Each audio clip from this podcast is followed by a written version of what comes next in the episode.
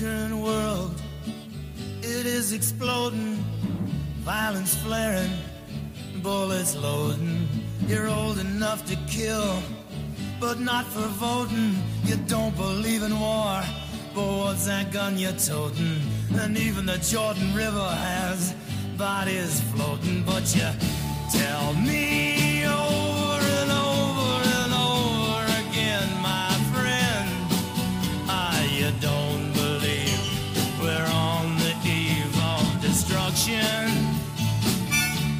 Merhaba sevgili Geek Teori takipçileri. Tek Gerçek Podcast'e hoş geldiniz. Buz ve Ateş'in şarkısı serisini bölüm bölüm incelediğimiz podcast'in bu bölümünde taht oyunları Catelyn 3 bölümüne bakacağız.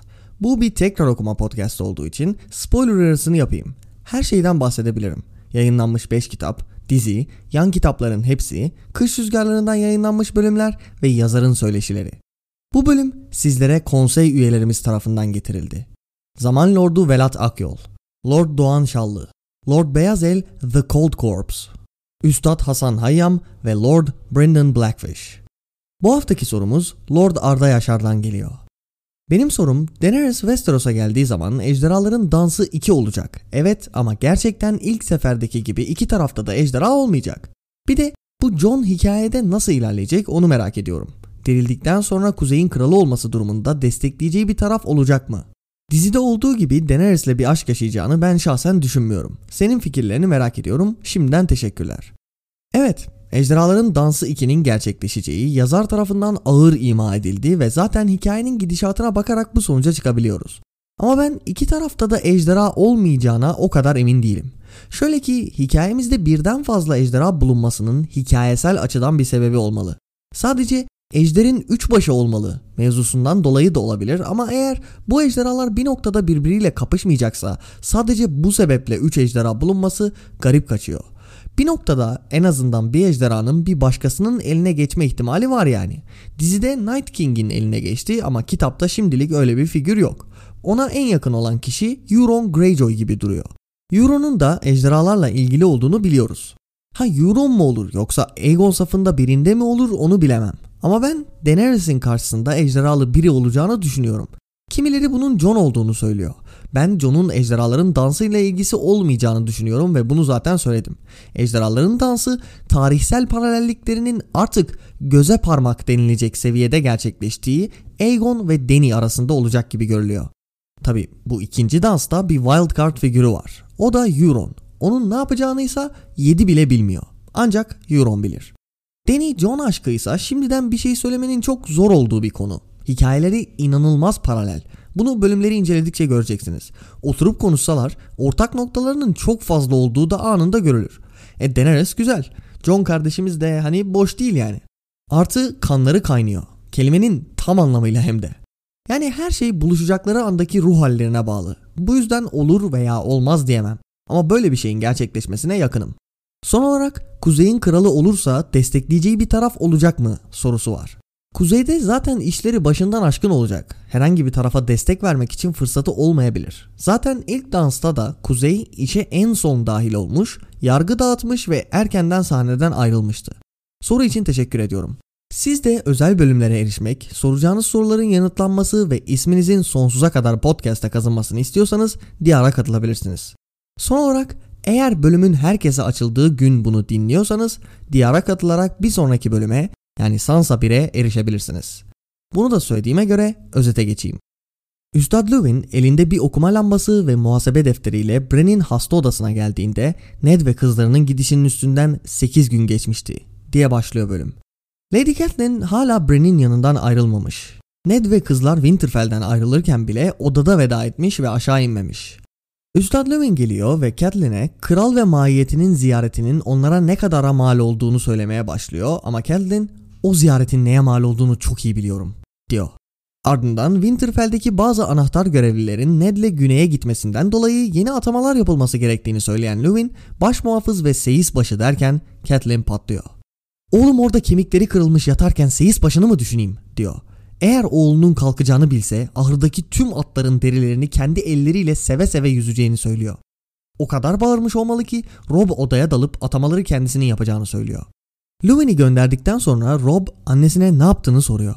Catelyn Ne mi yapıyorum? Kardeşine bakıyorum diyor. Ama sadece başında bekliyor. Rob üstadın en tehlikeli zamanın geçtiğini söylediğini söylüyor. Kendi başına kaleyi yönetmekte, her işe koşturmakta zorluk çektiğini söylüyor. Rico'nun peşinden ayrılmadığını, diğer oğullarının da annelerine ihtiyacı olduğunu söylüyor. Ardından kurtlar ulumaya başlıyor ve Rob gidip pencereleri açarak Bren'in kurtları duymasını sağlıyor. Catelyn titremeye ve aynı şeyleri tekrarlamaya başlıyor. Rob'a tekrar ve tekrar onları susturmasını, gerekirse öldürmesini söylüyor. Hemen ardından Rob onu yerinden kaldırıyor ve Catelyn düştüğünü bile hatırlamıyor. Rob annesine uyuması gerektiğini söylerken Winterfell'deki tüm köpekler havlamaya başlıyor. Rob dışarı bakıyor ve kütüphanenin yandığını görüyor. Hemen fırlayıp Catelyn ve Bren'i yalnız bırakıyor.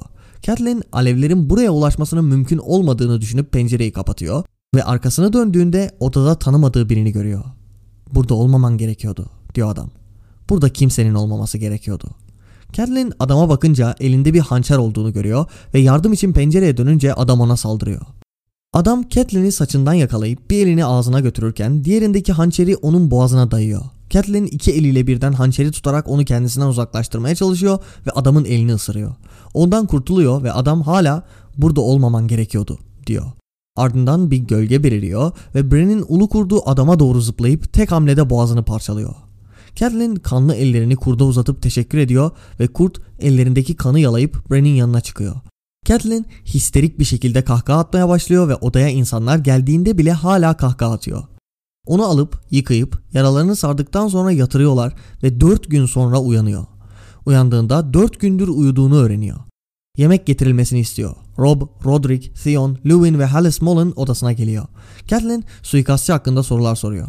Kimsenin onu tanımadığını ama etrafta görenler olduğunu öğreniyoruz. Ahırlarda uyumuş. Catelyn adamın Bren'i öldürmeye geldiğini söyleyince Rob birinin neden Bren'i öldürmek isteyeceğini soruyor. Catelyn de eğer Rob bir gün yönetici olacaksa bu sorunun cevabını kendisinin bulması gerektiğini söylüyor.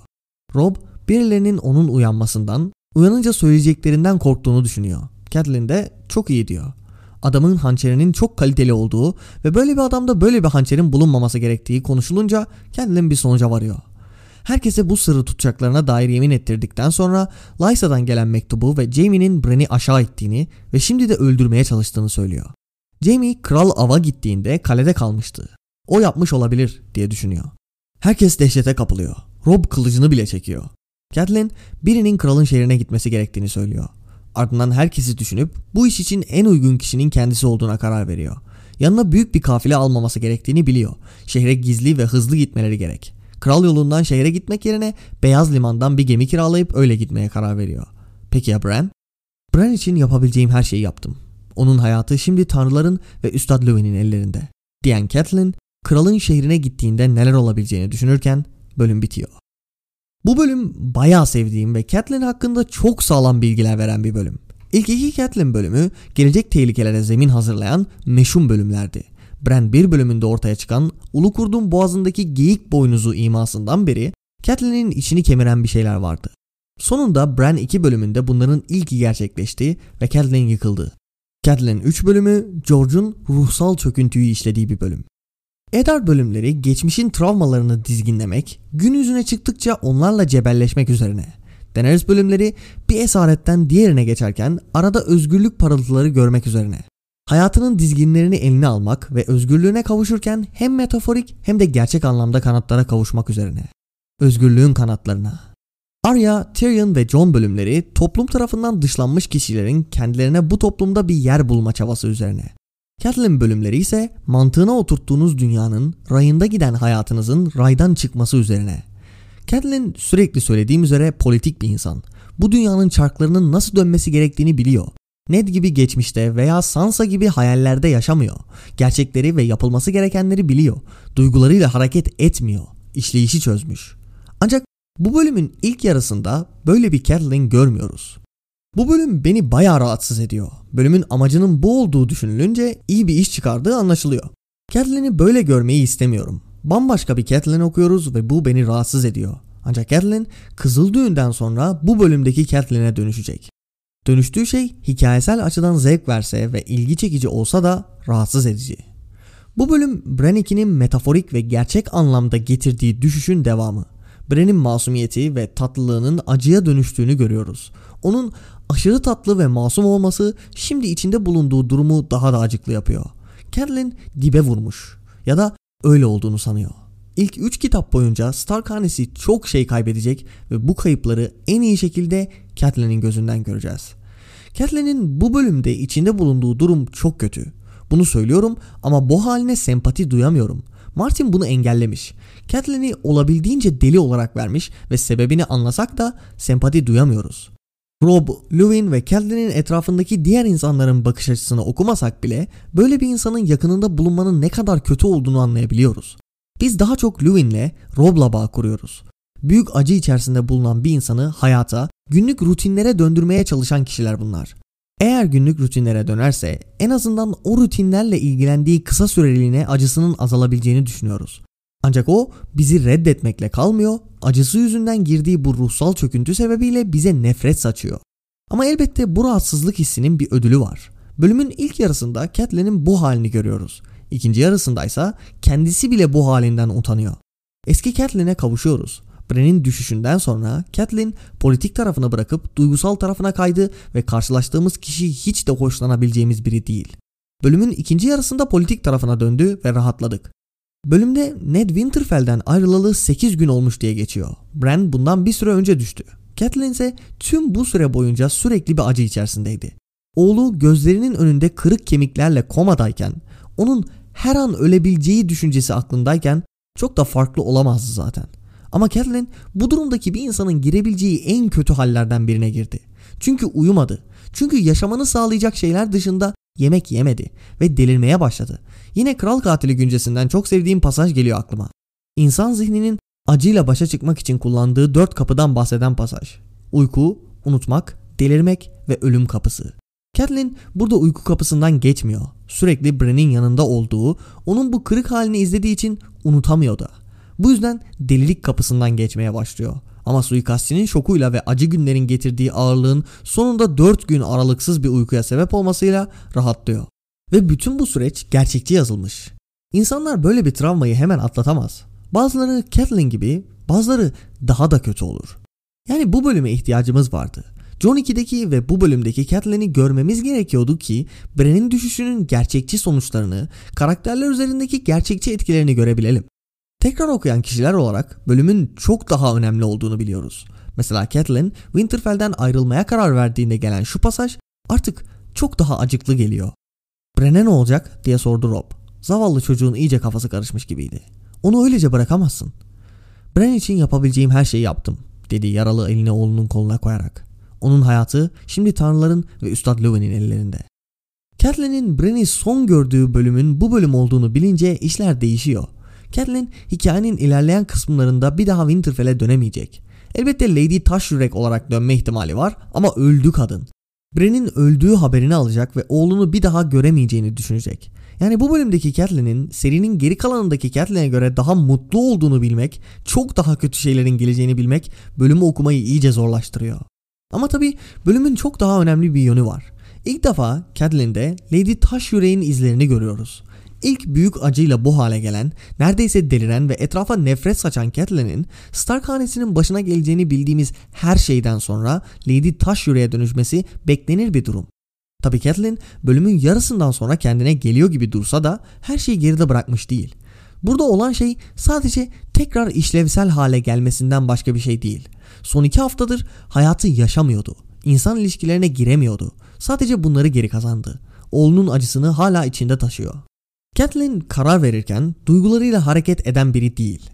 Hislerle karar almak ve duygularla karar almayı karıştırmayın. Catelyn hisleriyle karar alıyor elbette ama aldığı kararlar çoğunlukla duygu süzgecinden geçmiyor. Ailesini ve dünyanın politik işleyişini göz önünde bulunarak alıyor kararlarını. Çok duygusal olduğunda bile genel olarak politik işleyişi düşünüyor. Bu bölüm ve birkaç bölüm hariç elbette. Bölümün ilk yarısında darmadağın bir Catelyn görüyoruz. Beni rahatsız eden şey de bu oluyor zaten. Alıştığım, bildiğim Catelyn'i okumuyorum. Bambaşka bir insan var karşımda. Catelyn'in ileride yapacağı hataların bir kısmı o sırada hayatının acı ve kaygılarla dolu olmasından kaynaklanıyor. Örneğin Catelyn gibi sürekli politik düşünen, duygularının alacağı kararları etkilemesine izin vermeyen bir insan normalde serçe parmağa güvenir mi? Ancak Baelish, Catelyn için başka bir zamanın, mutlu olduğu çocukluğun hatırası oluyor. Bu kadar mutsuz, çaresiz, kaygılı olduğu bir zamanda mutlu olduğu dönemden gelen bir ilişkiyi sorgulamak, bu kişiye politik yaklaşmak çok zor geliyor. Baelish ile ilgili hatırladığı şeyler çocukken oynadıkları oyunlar, masumiyet ve kendisini seven bir insan. Daha basit bir hayat yani çocukluğu. Catelyn'i Baelish'in yalanlarına bu kadar savunmasız bırakan şey de bu oluyor.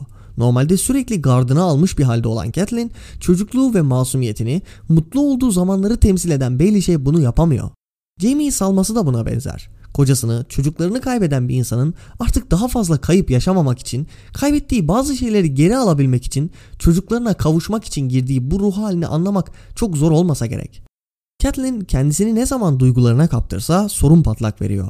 Bunu çok nadir yapıyor ama ondan bunu yapmamasını beklemek sizce de biraz acımasızca değil mi?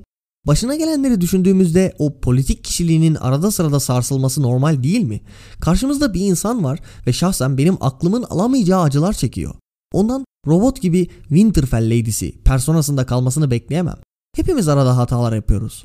Bazı fanların yaptığı gibi Stark'ların başına gelen her şeyi Catelyn'e yıkmak samimi gelmiyor. Onları da anlıyorum elbette. Bütün bu olanlar için suçlayacak birini arıyorlar ve Catelyn günah keçisi oluyor. Ama bu doğru değil ve gerçeğe yaklaşmıyor bile. Örneğin Ned'in kralın şehrinde ölmesi. Bunun sebebinin Ned'in kurumsal yönetimde zayıf olması olduğunu konuştuk.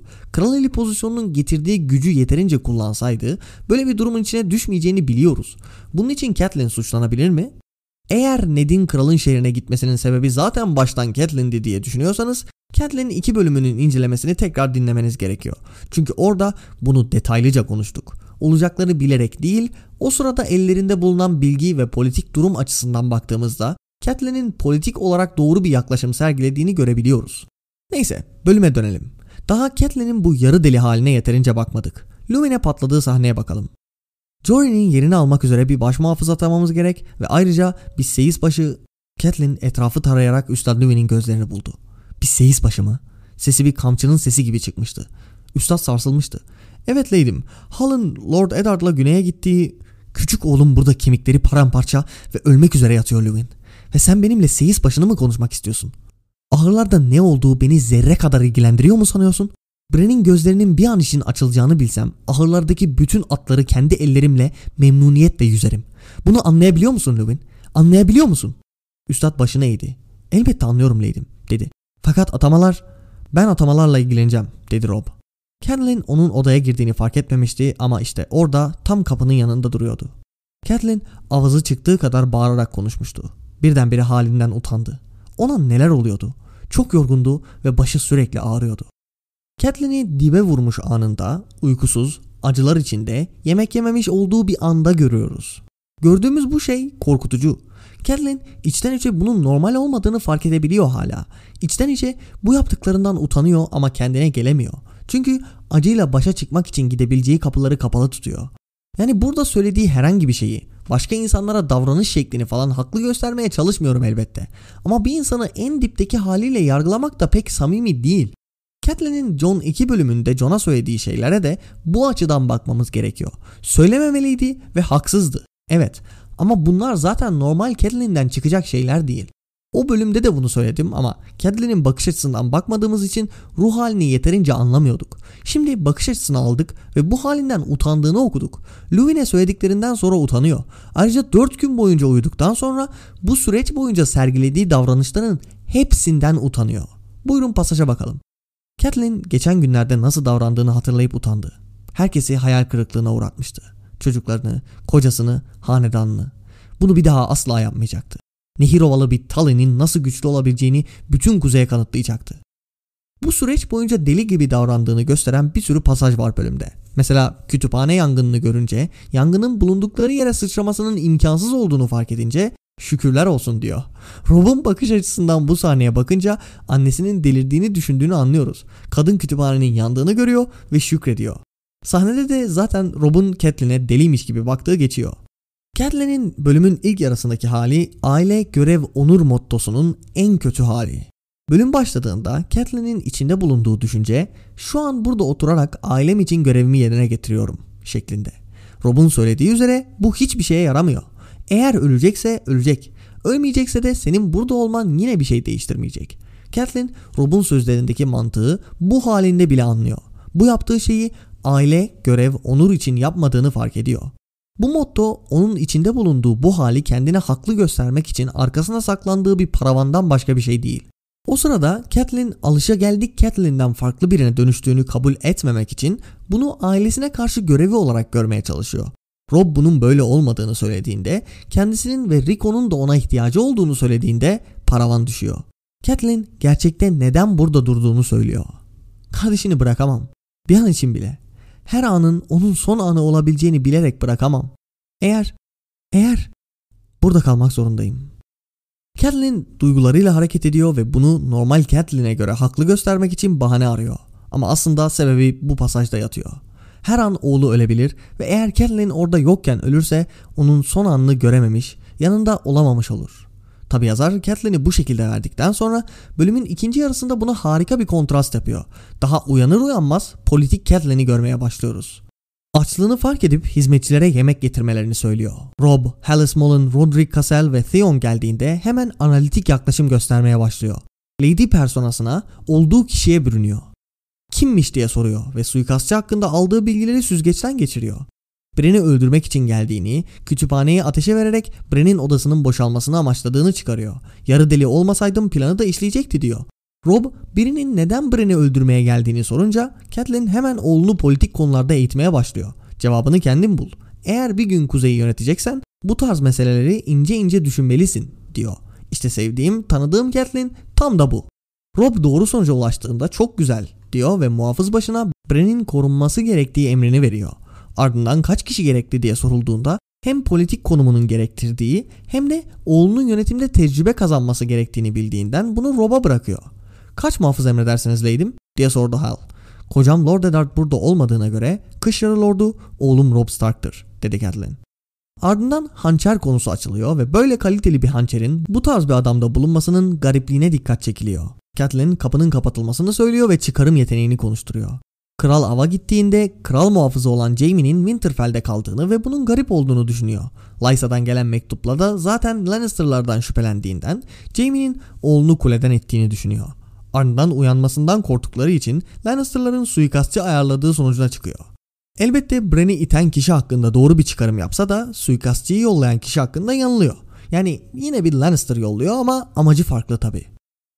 Bütün bu konuştuklarımla anlatmak istediğim şey bölümün tonundaki drastik değişim. Yarı deli Catelyn'i okurken bambaşka bir karakter, Winterfell Lady'si nehir ovalı bir Tully olan Catelyn'i okurken bambaşka bir karakter görüyoruz. Bu arada Catelyn ve Rob ilişkisine hastayım. Seride en sevdiğim ilişkilerden biri Catelyn ve Rob'un anne oğul Lady Lord ilişkisi diyebilirim. Catelyn oğlunu bir lord ve ileride kral olarak politik anlamda eğitiyorken aynı zamanda onun bazen hala bir çocuk olduğunu görüyor. Bu bölümde Rob'u politik olarak eğitmeye başlaması, onun kılıç kuşanması hakkında söylediği cesaretlendirici söz ve Rob'un ergen çıkışında aklından geçirdikleri göreceğimiz bu harika ilişkinin ufak bir göstergesi oluyor. Tanrılar diye bağırdı Rob. Gencecik yüzü öfkeyle kararmıştı. Eğer bu doğruysa bedelini mutlaka ödeyecek. Kılıcını çıkarıp havada salladı. Onu kendi ellerimle öldüreceğim. Sir Roderick kızdı. Onu hemen kınına sok dedi. Rob mahcup bir halde kılıcı kınına yerleştirdi. Şimdi yine bir çocuk gibi görünüyordu. Görüyorum ki oğlum gerçek kılıç kuşanmış dedi Catelyn Sir Roderick'e. Yaşlı silah ustası artık zamanının geldiğini düşündüm diye cevapladı. Rob tedirgin halde annesine bakıyordu. Gelmişti ve geçiyordu bile dedi Catelyn. Catelyn ve Rob ilişkisi her zaman içimi ısıtıyor. Seriyi tekrar okurken Maud Cailin'de tekrar buluşacakları ve Kızıl Düğün'e kadar birlikte oldukları her anı iple çekiyorum. Rob'un bir kral olmasına rağmen hala bir çocuk, bir ergen olduğunu, gencecik yaşında omuzlarına atılan yükün altında nasıl da ezildiğini göstermek için olan biteni Catelyn'in gözünden vermek ne kadar güzel bir yöntemdir. Suikastçıya gelirsek bölümde neler olduğunu birine anlatsak bölümün ana tehlikesi suikastçıymış gibi gelebilir. Ancak bölümü okuduğumuzda kapıldığımız his bölümün ana tehlikesinin Catelyn olduğu yönünde oluyor. Onun adına korkuyoruz. Girmeye başladığı karanlık yolun sonunda delilik var. Adam geldiğinde olabileceklerden korkmuyor değiliz ama adamın sunuluş şekli o kadar da korkutucu değil. Bir kere herif geri zekalı. Aynı şeyi tekrarlayıp duruyor. Ayrıca kokuyor ve beceriksiz. O sırada korkuyoruz ama kendi adıma konuşacak olursam Catelyn'in akıl sağlığı kadar korkutucu gelmiyor. Adam öldükten sonra Catelyn'in isterik kahkası bütün bu tonun üstüne harika bir süsleme oluyor. Catelyn'in kahkası sanırım adamın yarattığı şokun ardından gelen farkındalıkla oluyor. Çünkü ulu kurt adamın boğazını parçaladığında Catelyn ulu kurda sesli bir şekilde teşekkür ediyor. Vahşi bir hayvana bir insanı öldürdü diye teşekkür etmenin garipliğini fark ediyor sanırım. Burada kısaca kitap takipçilerinin bir kısmında bulunan bir şeyden bahsetmem gerekiyor. Ulu kurtlar vahşi hayvanlar. Onlar avcılar. Serinin birçok noktasında insan öldürüyorlar. Serimizde Stark çocuklarını koruyorlar. Evet ama bu onların vahşi hayvanlar olduğu gerçeğini değiştirmiyor. İşte konu Daenerys ve ejderhalarına geldiğinde fandom'ın bir kısmı ejderhaların öldürdüğü insanları ejderhaların vahşiliğine, canavarlığına kanıt olarak kullanıyor. Ama ulu kurtlar için bunu yapmıyorlar. Aslında iki canlı da fantastik ve vahşi. İki canlı da bazı karakterler için koruyucuyken diğerleri için canavar. Ama işler ulu kurtlara geldiğinde bu konu pek dikkat çekmiyor. Ha belki bunun sebebi Daenerys'in bayağı merhametli ve sürekli vicdani çatışma yaşayan bir karakter olmasıdır. Ejderhalarının doğasını sürekli sorgulamasının ve yeri geldiğinde onlara canavar demesinin uzantısıdır. Belki bu insanların ejderhaların vahşiliğini daha rahat görmesini sağlıyordur ama ulu kurtlar onlardan farklı değil. Hazır ulu kurtlar demişken Tyrion bir bölümünde okuduğumuz ulu kurtların ulumasının Bren'e güç vermesi mevzusunun bu bölümdeki kullanılışına gelelim. Bölümde Rob odaya gelip pencereyi açarak Bren'in ulumaları duyması gerektiğini söylüyor. Okuyucular olarak ufak bir ters köşe yiyoruz. Tyrion bir bölümünde öğrendiğimiz bilginin burada kullanıldığını sanıyoruz. Bren ulumaları duyunca biraz güçlenecek falan zannediyoruz. Ama aslında bu seferki ulumalar olacak şeyin habercisi oluyor. Kütüphanenin yanması ve Bren'e düzenlenen saldırının haberini veriyorlar. Önceki bölümlerde söylediğim gibi Starkların şu ulu kurtları dinlemeye başlayacağı anı iple çekiyorum. Artık şu kurtlara kulak verin abi. Kurt birinin kokusunu beğenmediyse direkt ana avrat sövmeye başlayın demiyorum ama hani bir şüpheyle yaklaşın yani. Bölümde sevdiğim ve sevmediğim şeylere geçersek aslında bölümün her noktasını seviyorum. Catelyn'in her an ölecek diye düşündüğü oğlunun başında beklemesi okuyucuya çok iyi geçirilmiş. Suikastçıyla cebelleşmesi, Summer'ın gelip suikastçıyı öldürmesi falan da heyecanlı. Catelyn uyandıktan sonra bölümün tonunun değişmesi ve politik Catelyn'i almamız, Catelyn'in oğlunu eğitmeye başlaması falan harika. Bölümde sevmediğim iki şey var. Birisi Theon Greyjoy. Seriyi tekrar okurken taht oyunlarındaki Theon'un pek oturmadığını görebiliyoruz. Kralların çarpışması ve özellikle ejderhaların dansı sırasında favori POV karakterlerimden biri haline geliyor. Taht oyunlarının yazıldığı sırada Martin serinin 3 kitap olacağını düşündüğünden Theon'u fazla derinleştirmemiş ve üstüne düşünmemiş gibi duruyor. Taht oyunlarının %70'ini yazdıktan sonra serinin 3 kitap olamayacağını fark etmiş olmalı. Zaten söyleşilerinden yazdıkça serideki kitap sayısını artırdığını görebiliyoruz. Zaten seriyi üçleme yapacağım şeklinde kendini kısıtlamayı bıraktığı zaman temalara, karakterlere ve dünyaya çok daha rahat yaklaştığından geniş geniş istediğini anlatabilmiş. Sanırım Theon ve Greyjoy'lar bunun en net örneği. Theon POV olduğu zaman düşündüğü şeyleri neden düşündüğü, yaptıklarını neden yaptığı çok iyi aktarılıyor. Greyjoy hanesi hakkında bir sürü bilgi alıyoruz ve sonrasında bu haneden 3 ayrı POV geliyor. Bahçıvanımız iş başında yani. Theon'la kapıyı açtığı Greyjoy hanesini keşfederek genişletti. Ancak taht oyunlarında ne Greyjoy hanesini yeterince düşünmüş ne de Theon üzerinde yeterince kafa patlatmış gibi durmuyor. Bu bölümdeki arka plan karakteri olan Theon'u gelecek kitaplarda tanımasak tavırları göze batmazdı. Catelyn Jaime hakkındaki şüphelerini dinlendirdiğinde şöyle bir pasaj var. Bran'in düştüğü gün Jaime Lannister'ın av kafilesine katılmadığını hatırladım. Burada kalede kalmıştı. Odada ölüm sessizliği vardı. Bran'in tırmanırken düşmediğini düşünüyorum. Catelyn bir an sessiz ve hareketsiz kaldı. Bran kuleden aşağı atıldı. Şaşkınlıkları yüzlerinden okunuyordu. Herkes şaşırmış öyle değil mi? Sir Roderick'in söyledikleri, Louis'nin söyledikleri, Rob'un yaptıkları da bunu gösteriyor. Zaten şaşkınlıkları yüzlerinden okunuyordu diyor. Ama Theon'un söylediklerine bakılırsa hiç şaşırmamış gibi. Çekinir mi diye sordu Theon Greyjoy. Hiç sanmıyorum. Theon, Jaime'nin bunu yapmaktan çekineceğini hiç sanmıyorsa neden şaşırdı? Hadi bu nitpick gibi gelebilir ama devamında olanlar Greyjoy'ları ve Theon'u tanıyan kişiler için çok garip. Catelyn yakında kılıçlara ihtiyaç duyabileceklerini söylediğinde Theon hemen lafa atılıp şunları söylüyor. Theon Greyjoy elini kılıcının kabzasına götürdü.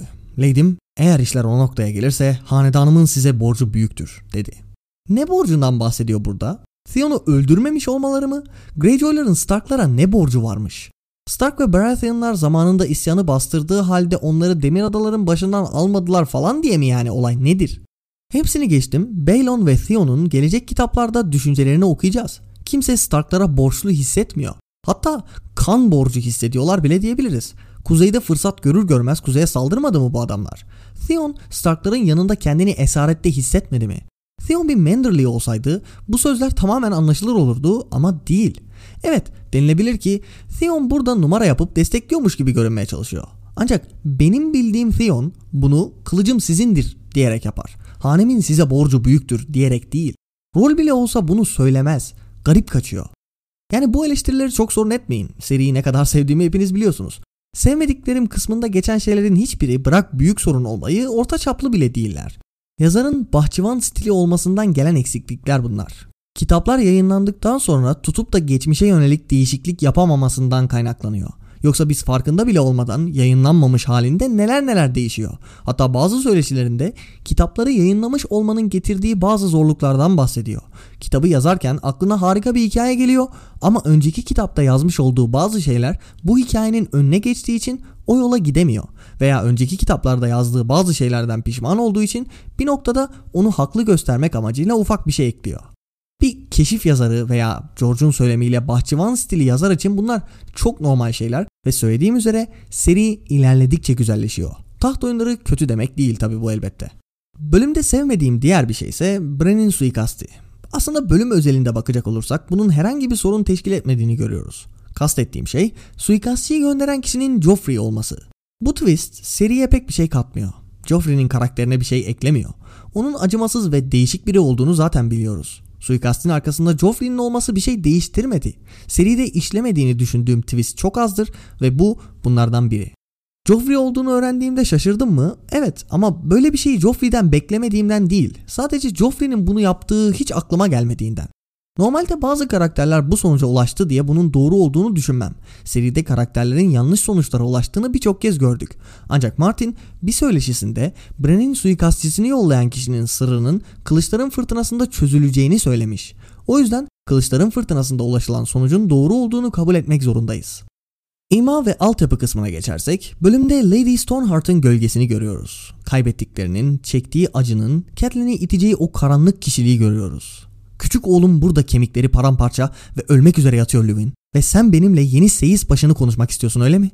Ahırlarda ne olduğu beni zerre kadar ilgilendiriyor mu sanıyorsun? Bren'in gözlerinin bir an için açılacağını bilsem ahırdaki bütün atları kendi ellerimle memnuniyetle yüzerim. Bunu anlayabiliyor musun Lewin? Anlayabiliyor musun?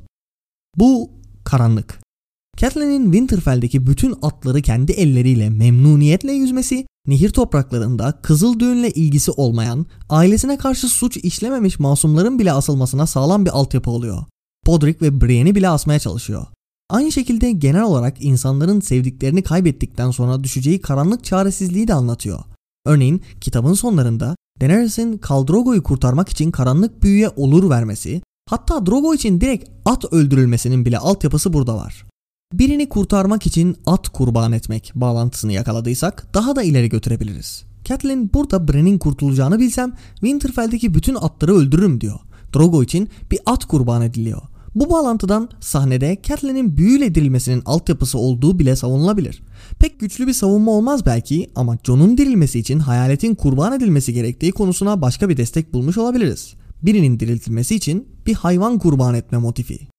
Catelyn'in çektiği acıyla girdiği karanlık ruh hali sadece atlarla sınırlı değil. Kurtlar ulumaya başladığında onların ulumasına dayanamayan Catelyn'in söyledikleri yine Lady Stoneheart altyapısı. Hıçkırıklara boğulmuş halde bıraktı Bran'in parmaklarını. Ellerini kulaklarıyla kapattı. Onları sustur diye bağırdı. Dayanamıyorum. Onları sustur. Sustur. Gerekirse hepsini öldür ama onları sustur.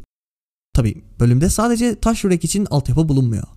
Bu bölümden sonra Kızıl Düğünü okursanız bir sürü paralellik görebilirsiniz. Kurtların uluması, Catelyn'in paramparça hissetmesi, hayır hayır diye düşünmesi, boğazına hançer dayanması vesaire. Hatta bölümde saçının bir kısmı kopuyor ve Kızıl Düğün'deki ünlü cümle akla geliyor. Ve bir el Catelyn'in saçlarını yakaladı. Tıpkı onun çıngırağın saçlarını yakaladığı gibi. Hayır diye düşündü Catelyn. Hayır saçlarımı kesmeyin. Net saçlarımı çok sever. Sonra çelik Catelyn'in boğazındaydı. Isırığı kırmızı ve soğuktu. Neyse, iyisi mi siz Kızıl Düğünü okumayın. Şu pasajı okumak bile boğazımı düğümledi. Peki, koskoca kütüphane yandı, hiç bahsetmedim. Çünkü Tyrion bölümünde genel olarak kütüphanelerin yanmasından bahsetmiştim. Bu bölümde ise konuya başka bir açıdan yaklaşayım istiyorum. Teori kısmına girelim ve dizide söylenen bir repliğin aslında serinin sonunda gerçekten de anlamlı hale gelebileceğine bir bakalım. Buz ve Ateş'in şarkısı serisinde birçok kütüphane görüyor ve duyuyoruz. Duvardaki kütüphane, Winterfell kütüphanesi, Kızılkale kütüphanesi, Eskişehir'deki Hisar, Volantis'teki Kara Duvar'ın ardında bulunan kütüphane. Bütün bu kütüphaneler tehlike altında. Kurgularda kütüphane bulunuyorsa o kütüphane yanar veya yok edilir. Bu bir troptur. Tarihteki birkaç örneği sebebiyle kurgularda birçok kez karşımıza çıkar bu trop. Buz ve Ateş'in şarkısı serisi de bu konuda bir istisna değil. İstisna olabileceği nokta yazarın bunu sağlam bir yere bağlaması olabilir. Şöyle ki Tyrion bölümünde okuduğumuz üzere Winterfell kütüphanesinde gerçekten çok sağlam bilgiler vardı. Bunu okuduğumuz anda zaten alışa geldik hikaye kurgusu bizi buranın yakılabileceğini düşünmeye itti ve öyle de oldu. O el yazmaları, Valeria'dan gelen parşömenler falan hep gitti. Bir kısmının kurtarıldığını biliyoruz ama olan oldu. Duvarda Sam sayesinde çok ilginç bilgiler bulunduğunu öğrendiğimiz, insanlık için aşırı kıymetli olabilecek bir kütüphane var. Ve sadece bakımsızlıktan bile yok olan belki ne bilgiler var. Sam birçok sayfanın kitabın çürüdüğünü, un ufak olduğunu görüyor. E bir de ak gezenler duvarı aşarsa kütüphane tamamen yok olabilir. Hisar zaten kış rüzgarlarının başında gidecek gibi. Euron o müthiş kütüphaneyi yakıp kül edecek sanırım. Sam'in gözünden bunu görebiliriz. Gerçi eğer daha fazla POV'yi eklemeyeceğini söylemiş olmasaydı Roderick okuyucudan görmek çok güzel olurdu ama neyse. Hem belki buradan kurtulan Sam, Villas Tyrell'in yanına gelir ve onunla karşılaşırız. Onun da okumayı çok sevdiğini biliyoruz. Belki de yeni Hisar yüksek bahçede kurulur. Volantis ise Daenerys'i bekliyor. Oradaki kütüphanenin ejderhalara kurban gidebileceğini düşünüyorum. Kızılkale'yi zaten söylemiyorum bile. Saatli bomba. Yani insanlığın binlerce yıllık bilgi birikimi sırayla yok oluyor ve olmaya devam ettiğini okuyacağız gibi. Savaşlar, entrikalar insanlığı geri götürüyor. Yazarın savaşın kötü yönlerini çok güzel işlediği bir seride savaş ve güç için insanlığın ilerleyememesi, gerilemesi gibi bir tema zaten bulunuyor. Bunun en iyi parlayacağı noktalardan biri de işte bu kütüphanelerin birer birer yandığını, yok edildiğini okumamız olur. Ancak yazarın serinin sonunu karanlık bir şekilde bitirmeyeceğini biliyoruz. Bütün bu yaraların iyileşebileceğine dair, bahara dair bir umutla bitecek. Acı tatlı bir sonu olacak. İşte dizideki bir şey yazarın bu kütüphane yangınlarını serinin sonunda umutlu bir yola sokmak için kullanabileceğini gösteriyor. Her şey gitti sanarken bir insanın insanlığın kaybettiği bilgilerin birçoğunu geri getirme ihtimali. Bildiğiniz gibi dizinin son sezonunda Bren'i insanlığın hikayesini biliyor gibi lanse ettiler. Onun korunması gerekti falan. Her şey elbette tam olarak dizideki gibi olmasa da Martin'in bu kütüphane yangınlarını Bren'in önemini Westeros'u iyileştirebilecek biri olduğunu anlatmak için kullanabileceğini düşünüyorum. Binlerce yıllık bilgi birikiminin en önemli kısımlarını aktarması, tanrıların ateşiyle ulaştığı bilgiyi insanlığa sunması, Prometheus'umsu bir role bürünmesi uyuyor. Belki diyorum ejderhaların dansı John karakter hikayesi analizi videolarında bahsettiğim gibi Martin'in planının içi boşaltılmış bir halini dizide izlemiş olabiliriz. Bu yola giderse altını iyice dolduracağını şimdiden görebiliyorum. Bunu da söylediğime göre bir bölümün daha sonuna geldik. Dinlediğiniz için hepinize teşekkür ediyorum.